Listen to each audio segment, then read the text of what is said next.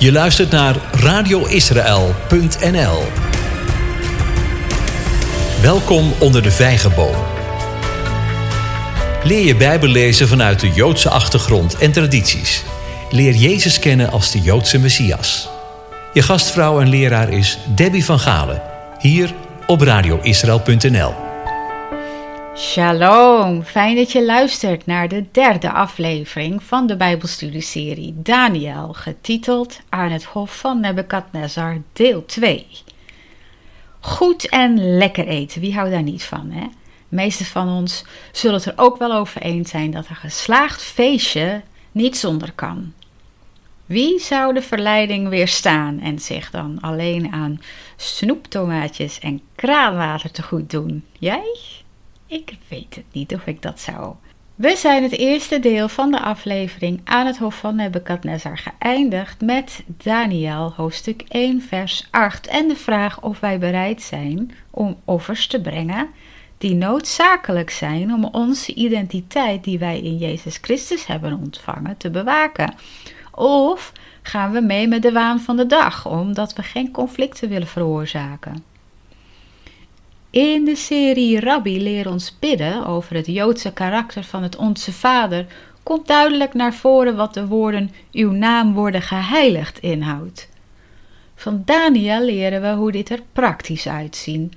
Laten we vers 8 nog eens bijpakken. Daar staat Daniel nu, nam zich in zijn hart voor zich niet te besmetten, zich niet te verontreinigen, met de gerechten van de koning of met de wijn die hij dronk. Daarom verzocht hij het hoofd van de hovelingen of hij zich niet zou hoeven te verontreinigen. Wat we hier lezen is dat Daniels hart gericht was op het heilige van Gods naam door zich te houden aan Deuteronomium 6.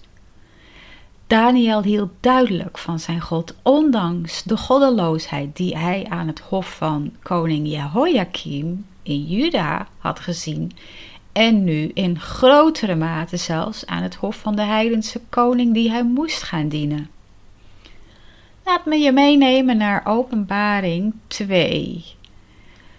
Openbaring 2, vers 6 en vers 15. Daar lezen we over de Nicolaïten.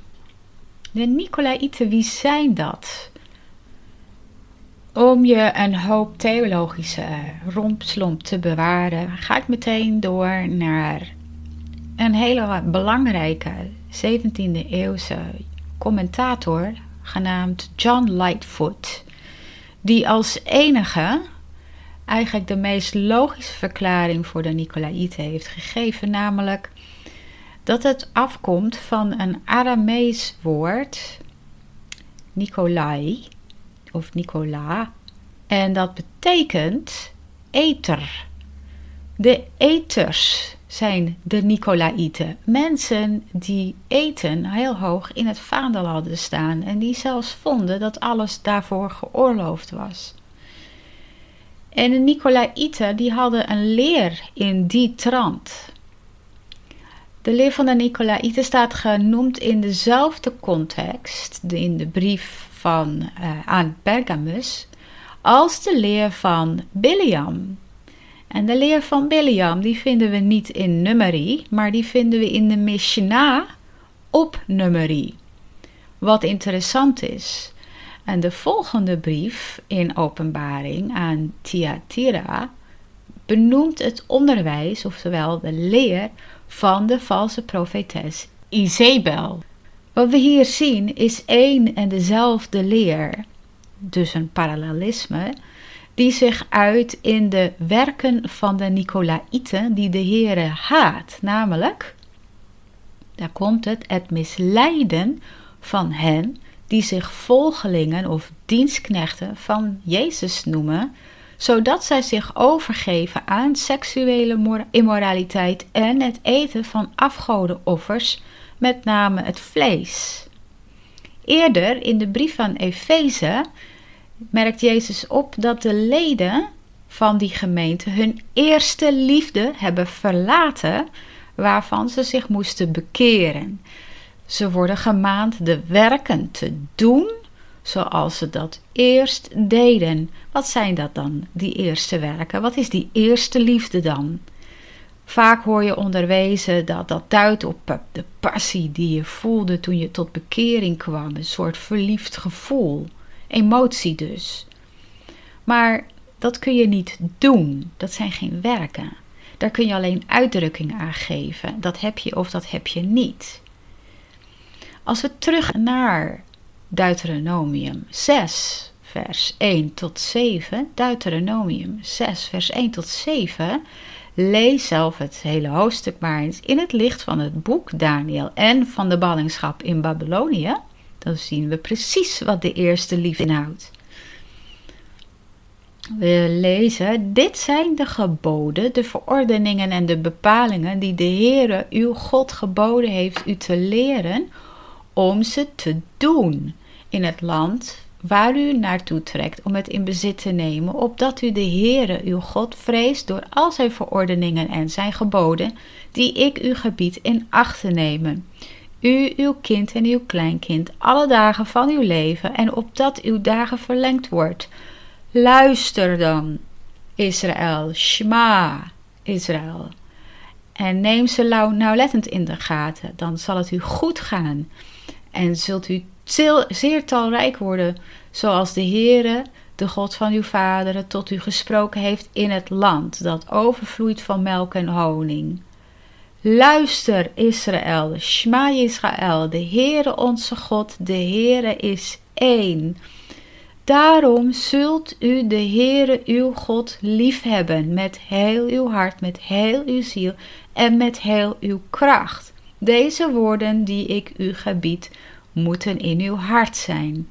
U moet uw kinderen inprenten en erover spreken als u in uw huis zit en als u over de weg gaat, als u neerlegt en als u opstaat. Twee keer lezen we hier: Luister, Israël. Shma Israël. Het Hebreeuws hier kan worden vertaald met, hè, dus de Shma, luister, hoor en ook gehoorzaam. Want horen in het Hebreeuws duidt op gehoorzaam zijn. Dat impliceert wees gehoorzaam. Houden van en gehoorzaam zijn aan de enige ware God is de essentie, het aller, allerbelangrijkste en het eerste van het ethische monotheïsme waarop de Torah is gefundeerd. De Shema is het grootste gebod. De Bijbel is de gids voor ethische gedragingen en het versterken van relaties. Terug naar Daniel. In plaats van zich als een mak schaap gedwee over te geven aan de nieuwe wetten en regelgeving van het nieuwe normaal, waarin hij en zijn vrienden terecht waren gekomen onder het mom van deze overheid is door God over ons aangesteld, dus die moeten we gehoorzamen, want dan maken we God blij mee. Nee, bleef hij gericht op zijn God en de instellingen, bepalingen en regelgeving die de Heere in de Torah, zijn woord, heeft gegeven als enige richtinggevende maatstaf. Daniel liet zich niet in zijn rouwgevoelens over het verlies van wat hij had moeten achterlaten meeslepen. Maar hij herpakte zich en bleef standvastig in zijn geloof en vertrouwen in de eeuwige God en het liefdesverbond met zijn volk. Hij begreep heel goed dat geen wet, geen koning en geen heerschappij op aarde, boven of zelfs naast die van de schepper, koning van hemel en aarde staat, maar daarin alle gevallen ook aan onderworpen zijn. Daniels eerste liefde was de Heere en het doen van de Torah voor alles en iedereen. Hij was daarvoor bereid grote risico's te nemen, zijn leven daar zelfs voor op het spel te zetten en hij nam het voortouw daarin. Van de vier jonge mannen bleek Daniel de moedigste die hij toonde door als woordvoerder van hun vieren zijn verzoek te doen aan de hoveling die over hun was gesteld. Namelijk, sta ons toe om ons niet te verontreinigen met het eten en drinken van de tafel van de koning. Nou je snapt nu wel dat dit heel slecht had kunnen uitpakken voor hun. Ze hadden daarmee compleet uit de gratie van de hoveling kunnen vallen, en zelfs van het hoofd van de hovelingen. Wat hele nare consequenties had kunnen opleveren. Dat risico namen zij voor lief, want zij wisten dat hun motivatie voor God welgevallig was. In Psalm 139, vers 23 en 24, daar staat, dat komt ook direct op, doorgrond of onderzoek mij, o God, en ken mijn hart. Beproef of toets mij en ken mijn gedachten. Zie of er bij mij een schadelijke weg is. En leid mij op de eeuwige weg. En die schadelijke weg is natuurlijk alles wat tegenovergesteld is aan Gods woord. Want dat is de eeuwige weg. En wat ook opkomt is eh, Psalm 19, vers 15. Laat de woorden van mijn mond en de overdenking van mijn hart welgevallig zijn voor uw aangezicht, Heere, mijn rots en mijn verlosser. In mijn ogen zijn Daniels overwegingen en handelingen hier een hele goede leidraad voor de tijd waarin wij nu leven. Dan gaan wij nu verder met Daniel, hoofdstuk 1, vers 9 en 10. God gaf Daniel genade en barmhartigheid bij het hoofd van de hovelingen. Want het hoofd van de hovelingen zei tegen Daniel: Ik ben bevreesd voor mijn Heer de Koning, die uw eten en uw drinken heeft vastgesteld. Want waarom zou hij zien dat uw gezichten er slechter uitzien dan die van de andere jonge mannen van uw groep? U zou bij de koning mijn hoofd met schuld beladen. Nou staat er in het Hebreeuws. God, oh, van God gaf Daniel genade en barmhartigheid. Er staat in het Hebreeuws: Vayiten Elohim et Daniel gesed urachamim. Gesed wil zeggen gratie verlenen op basis van zijn goedheid en trouw. Hier dus aan Daniel. Het woord komt voor het wortelwoord gekad, dat voorover buigen of jezelf neigen het, uh, betekent. Het heeft iets koninklijks, iets waaruit rechtvaardigheid spreekt, gerechtigheid. En daar compassie uh, op gebaseerd is. Rachamim is al eens in eerdere studies voorbijgekomen, namelijk in de studies Jona en de eenheid van God. Het is afgeleid van het wortelwoord ragam, dat baarmoeder betekent. Ragamim is een meervoudig woord dat in, dat in zijn eigen betekenis geen enkelvoudige vorm kent, net als het woord voor water, mayim. En daar ligt ook direct het geheim voor de implicatie van de betekenis van ragamim. Het drukt een oneindige, onvoorwaardelijke, ontfermende genade uit dat te vergelijken is met dat van een moeder voor haar kind dat zij gebaard heeft. Lezen we de eerste woorden van deze zin weer. Dus, Vayiten Elohim et Daniel Gesed Urachamim. Dan zien we dat het Elohim, de volheid van God in zijn zuivere rechtvaardigheid en zijn zuivere genade is, die vanuit deze eigenschappen Daniel beloont voor de zuiverheid van zijn motivatie in zijn hart om zich niet over te geven aan de heidense gebruiken aan het hof van de koning van Babylonië. De genade die Daniel vond in de ogen van deze, het hoofd van de hovelingen, Aspenas, zoals we in vers 3 hebben kunnen lezen, kwam dus niet vanuit de man zelf, maar kwam vanuit God, Elohim. Wederom dus zien we hoe de betekenis van Daniels naam hier uit de verf komt. Mijn oordeel komt van God, niet van een mens, ook niet van een engel, alleen van God nog maar net uitverkoren om te worden opgeleid en te worden onderhouden op instructies van de koning zelf, zagen Daniel en zijn vrienden zich dus al voor een groot dilemma gesteld worden. Voor hun was er geen andere optie dan zich te onthouden van onrein voedsel en door dit kenbaar te maken aan het hoofd van de hovelingen onder wiens verantwoordelijkheid zij stonden, riskeerde Daniel zijn leven. Het is belangrijk dat we begrijpen dat door in te gaan op Daniels schaamteloos verzoek eigenlijk, ook het hoofd zijn leven op het spel zette, want daarmee ging hij namelijk pal in tegen de autoriteit van de koning. In plaats van zich rigide en onvermurfbaar op te stellen en Daniel bij de koning te rapporteren, wat te verwachten was, vulde Elohim zijn hart met Geset en Rechamim, dat van hemzelf uitging. En daarom begint vers 10 met want. En al zou Aspenaar zelf niet degene zijn die Daniels verzoek zou uitvoeren, maar dat zou dit dat zou worden gedaan door de kamerheer die voor hem moest zorgen. Het was voor Daniel wel nodig te weten dat alle aanpassingen die aan het menu zou worden gemaakt door de vinger zou worden gezien door de verantwoordelijke autoriteit en niet bekend zou worden gemaakt bij de koning. Daarvoor moest hij zeker weten dat het hoofd op hun hand zou zijn.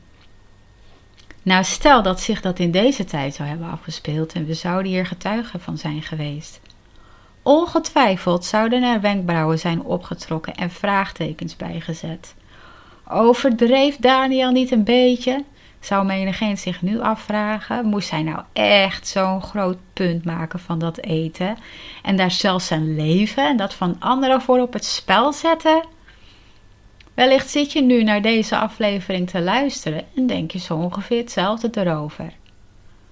Maar overweeg dit: als Jezus in de brieven aan de zeven gemeenten in Klein-Azië er zelf ook zo'n punt van maakt, en van de uitwerking ervan, laten wij ons dan ook eens overbuigen en ons er druk over maken. Want zeg nou eerlijk, Wanneer is de laatste keer geweest dat jij daarover in de kerk, in je gemeente hebt horen onderwijzen? Onderzoeken en statistieken wijzen al enige tijd uit dat de grootste doodsoorzaken in het Westen gerelateerd zijn aan wat wij allemaal tot ons nemen. De Torah noemt vraatzucht zonde. En toch lijden mensen in toenemende mate aan morbide overgewicht diabetes type 2, hart- en vaatziekten en darmkanker, gerelateerd aan vraatzucht, om maar wat te noemen, christenen niet uitgezonderd. Kunnen we al deze ziekten voorkomen en zijn ze altijd te wijten aan vraatzucht? Nee, dat niet. Maar als vraatzucht daaraan ten grondslag ligt, wel. We leven in een wereld dat gebukt gaat onder de gevolgen van de zondeval. We ontkomen er niet aan. Maar veel valt wel te voorkomen en vraatzucht is daar één van. Het is een vorm van zelfzucht en hebzucht, waartegen de Torah ernstig waarschuwt. Er zullen maar weinig mensen zijn die zich niet wel eens hebben bezondigd. Dus als je hier naar luistert en je bent jezelf nu aan het vergelijken met anderen en jezelf hard aan het veroordelen, niet doen om met Jezus woorden te spreken toen de schriftgeleerde met een in hun ogen overspelige vrouw aankwam zetten. Ja, Paulus zei: Wij allen hebben gezondigd en zijn weggevallen van de heerlijkheid van God. Dit is een kwestie van, in Jezus' woorden, gaat heen en zondig niet meer. Beproeving in de Bijbel zien we vaak verbonden aan eten. Gewoon even een aantal voorbeelden. We zien in Genesis uh, de instructie van alle bomen in de hof mogen ze eten, behalve. En wat gebeurde? En wat dacht je van Esau en de kom met linzen? In Exodus hebben we Israël in de woestijn met de verering van het gouden kalf. We, hebben we zien hun uh, manna eten en kwartels en dat heeft ook allemaal weer met beproeving te maken. In Matthäus zien we Jezus' beproeving in de woestijn. De eerste beproeving, eten. Handelingen. Petrus en het laken met onreine dieren. En Paulus en uh, het uh, onderwerp uh, offervlees. En wat dacht je van Colossense? Wel of niet eten, wel niet zwak, verdraagzaamheid. En in openbaring, waar we het al over hebben gehad, hè, de leer van de Nicolaïten, oftewel de leer van Biliam en de leer van Izebel. Gaan we eens eventjes naar eh, Romeinen 13, vers 11 eh, tot 14. Romeinen 13, vers 11 tot 14. Daar lezen we. En dit te meer omdat wij het beslissende tijdstip kennen, dat de tijd reeds is dat wij uit de slaap ontwaken. Want nu is de verlossing, de zaligheid, dichter bij ons dan toen wij tot geloof kwamen. De nacht is vergevorderd en de dag is nabij gekomen. Laten wij dus de werken van de duisternis afleggen en de wapens van het licht aandoen. Laten wij als op klaarlichte dag, als in de dag, op een gepaste wijze wandelen. Niet in zwelgpartijen en dronkenschappen, niet in slaapkamers en losbandigheden, niet in ruzie en afgunst, maar bekleed u met de Heere Jezus Christus en verzorg het vlees niet om begeerten op te wekken. Daniel met zijn kennis van en liefde voor de Torah en de ervaring en wijsheid die hij in Jeruzalem had opgedaan, herkende gelukkig het gevaar dat op de loer lag. Kennelijk gaan het eten van afgodenoffers en seksuele immoraliteit hand in hand. Als de stap naar het een is gezet, is de stap naar het andere snel gemaakt. Dus nee, Daniel overdreef niet en had zijn leven ervoor over om zich rein en heilig voor zijn God te houden en geen enkel risico te nemen. Zijn vrienden gingen daarin mee, maar hij nam het woord, zo lezen we, dus hij was duidelijk degene met de meeste goedspe om het te berden te brengen. Hiermee toonde hij ontzag voor God en heiligde zijn naam. Hij hield zich aan het gebod: U mag de Heer uw God niet op de proef stellen, zoals u hem bij Massa op de proef hebt gesteld. Lezen we in Deuteronomium 6, vers 16.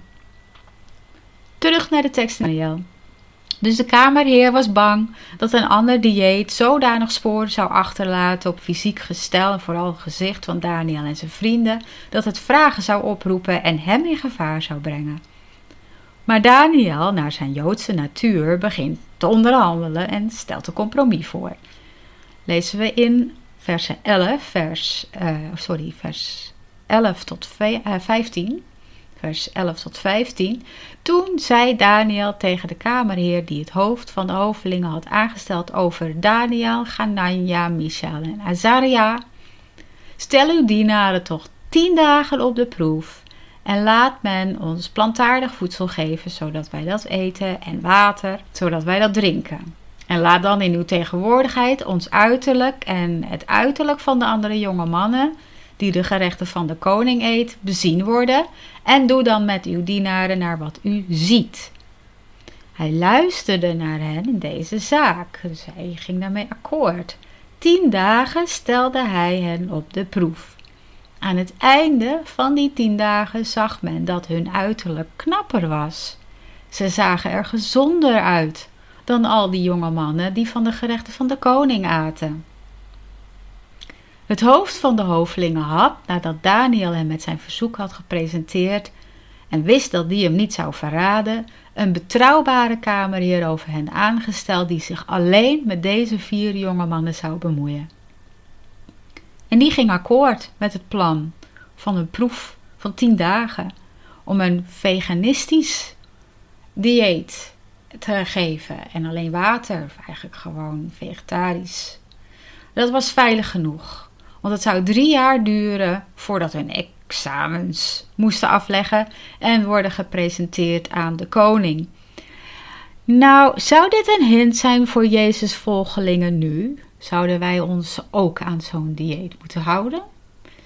Nee, duidelijk niet. Als we Handelingen 15 lezen, waar heel uitdrukkelijk wordt gesproken over welk vlees wel en niet gegeten mag worden. Daniel had een totaal andere motivatie om de dieet voor te stellen dan de huidige vegan, dan wel vegetarische dieetgoeroes. En nou ja, dat laatste wordt verheven eigenlijk nu tot iets religieus. Ter ere aan wederom een afgod, namelijk de aarde, de planeet, het klimaat. Daniels motivatie was zich niet te verontreinigen voor God. Andere motivatie. En daarmee de naam van God te heiligen. Twee uitersten. Je kunt geruststellen dat de huidige vegan of vegarage eigenlijk ligt in de lijn van de leer van de Nicolaïten, de eters. In de leer van Biliam en Isabel. Vanwege Daniels hartsgesteldheid en ook dat van zijn vrienden kregen zij toestemming voor deze proef en die bleek bijzonder goed uit te pakken. We lezen aan het einde van die tien dagen zag men dat hun uiterlijk knapper was en zij zagen er gezonder uit dan al de mannen die van de gerechten van de koning aten. Proef meer dan geslaagd dus en de kamerheer durfde het aan, tegen het bevel van de koning in notabene, dit experiment om te zetten in een permanente situatie. Gaan we naar vers 16. Toen gebeurde het dat de kamerheer hun gerechten en de wijn die zij moesten drinken wegnam en dat hij hun plantaardig voedsel gaf. Dit moet een bijzondere organisatie zijn geweest, logistiek gezien dan. Want hoe zou die wisseltruc moeten worden gedaan, elke dag weer, zonder dat iemand daar argwanend over zou worden? Er staat dat hij het wegnam en hoogstwaarschijnlijk dus zichzelf er te goed aan deed. Want weggooien, dat zou worden ontdekt. Dus hij zal het waarschijnlijk zelf of aan anderen hebben gegeven en uh, zelf hebben gedronken. Hij zal zelf gezorgd hebben via zijn netwerk voor een dieet dat voldeed aan de nieuwe vereisten. Gaan we naar vers 17. Aan deze vier jonge mannen nu gaf God kennis en verstand van allerlei geschriften en wijsheid. En Daniel gaf hij inzicht in allerlei visioenen en dromen. Twee zaken dus hier. De vier jonge mannen, alle vier, kregen van God kennis en verstand van allerlei geschriften en wijsheid. Daniel kreeg daarbij van God inzicht in allerlei, of eigenlijk zoals het in het Hebreeuws staat, alle visioenen en dromen. Dus kennis, verstand en wijsheid aan alle vier. En bijzonder bovennatuurlijk inzicht in geestelijke zaken speciaal voor Daniel. Alle vier onthielden zij zich van de gerechten van de koning en werden daarom begiftigd met een leervermogen en wijsheid die alleen van God kan komen. Wat is die wijsheid? Het Hebreeuwse woord is hier gachma, dat een wijsheid omschrijft die gestoeld is om de kennis van de Torah en te begrijpen wat de impliciete betekenis ervan is. Wat de bezitter tussen aanhalingstekens ervan kracht en leven schenkt. Daniel omdat hij het initiatief had genomen en zijn leven als het ware op Gods altaar had gelegd om dat voor elkaar te krijgen, werd daarbij extra gezegend met bovennatuurlijk inzicht in het doorgronden van dromen en visioenen. Zoals Jozef in Genesis 40, vers 8 zei: Genesis 40, vers 8: Is de uitleg niet aan God? Vertel ze toch aan mij. En zo gebeurde zoals we zullen lezen in hoofdstuk 2, en de visioenen die hem later werden getoond.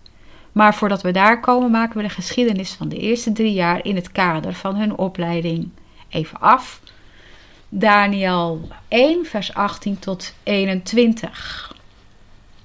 18 tot 21. Aan het einde van de dagen waarvan de koning had gezegd dat men hen moest laten komen, liet het hoofd van de hovelingen hen bij koning Nebukadnezar komen. De koning sprak met hen, maar onder hen allen, dus de hele groep, werd niemand gevonden zoals Daniel, Ganania, Michel en Azaria. Zij traden in dienst van de koning in alle zaken, waar het aankomt op een wijs inzicht waarover de koning hen ondervroeg, vond hij hen tienmaal beter dan alle magiërs en bezweerders die er in heel zijn koninkrijk waren.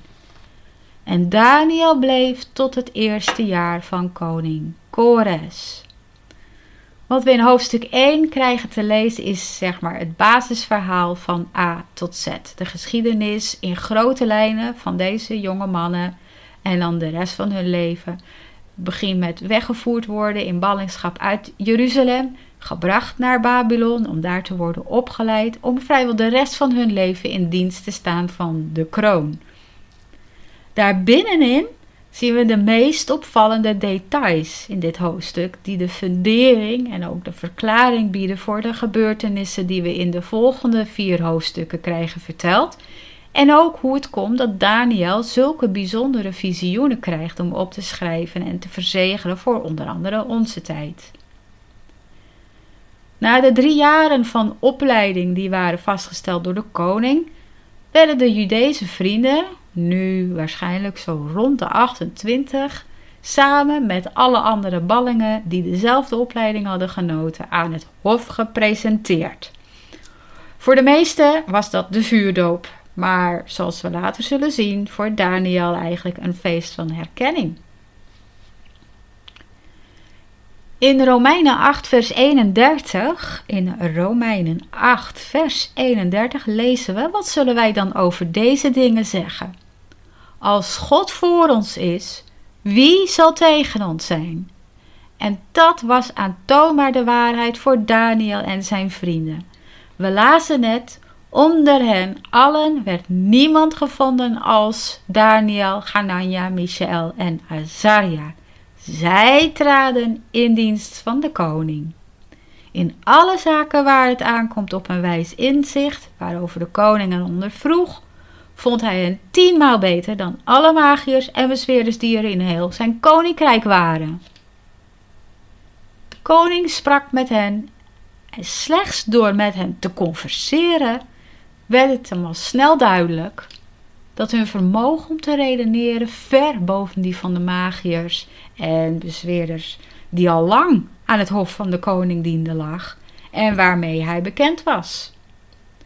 We kunnen ook lezen in iedere zaak, dus op elk gebied, verstonden zij de kunst van redenering. Want hij vond hen tienmaal beter dan al die bekende raadsheren. Van wie vroeg de koning raad tot die tijd? Nou, van alle magiërs en bezweerders die er in heel zijn koninkrijk waren. In de Targum Onkelos, dat is de Aramese vertaling van de Tenach, de Hebreeuwse Bijbel, wordt het woord voor magier vertaald naar een woord voor necromantier.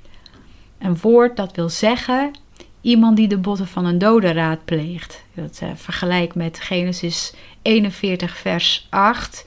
Genesis 41 vers 8, waar de farao zich ook tot deze vorm van raad wendde. Oftewel, mediums die de doden raadplegen. Denk ook maar aan koning Saul.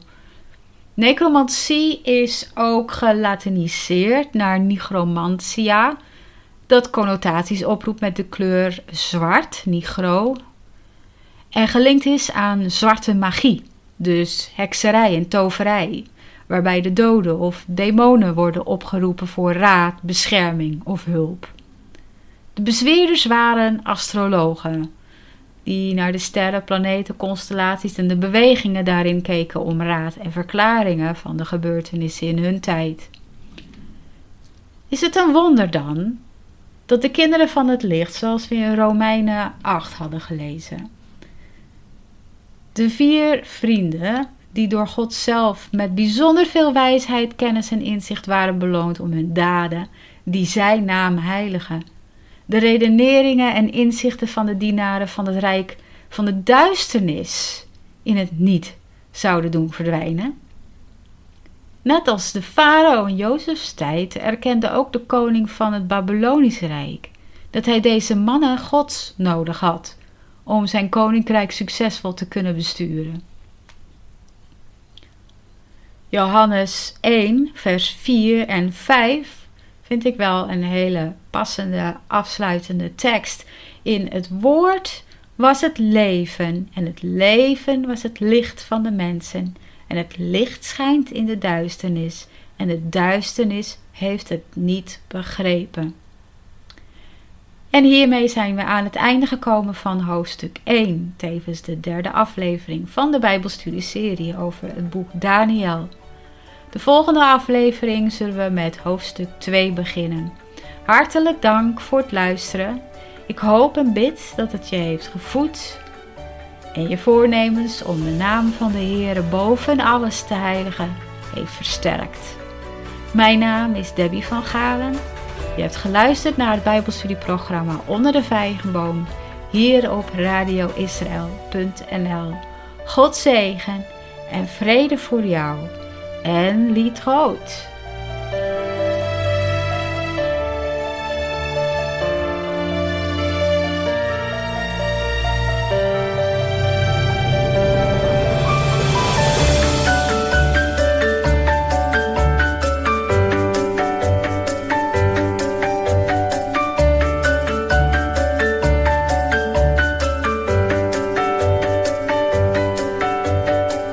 Luistert naar radioisrael.nl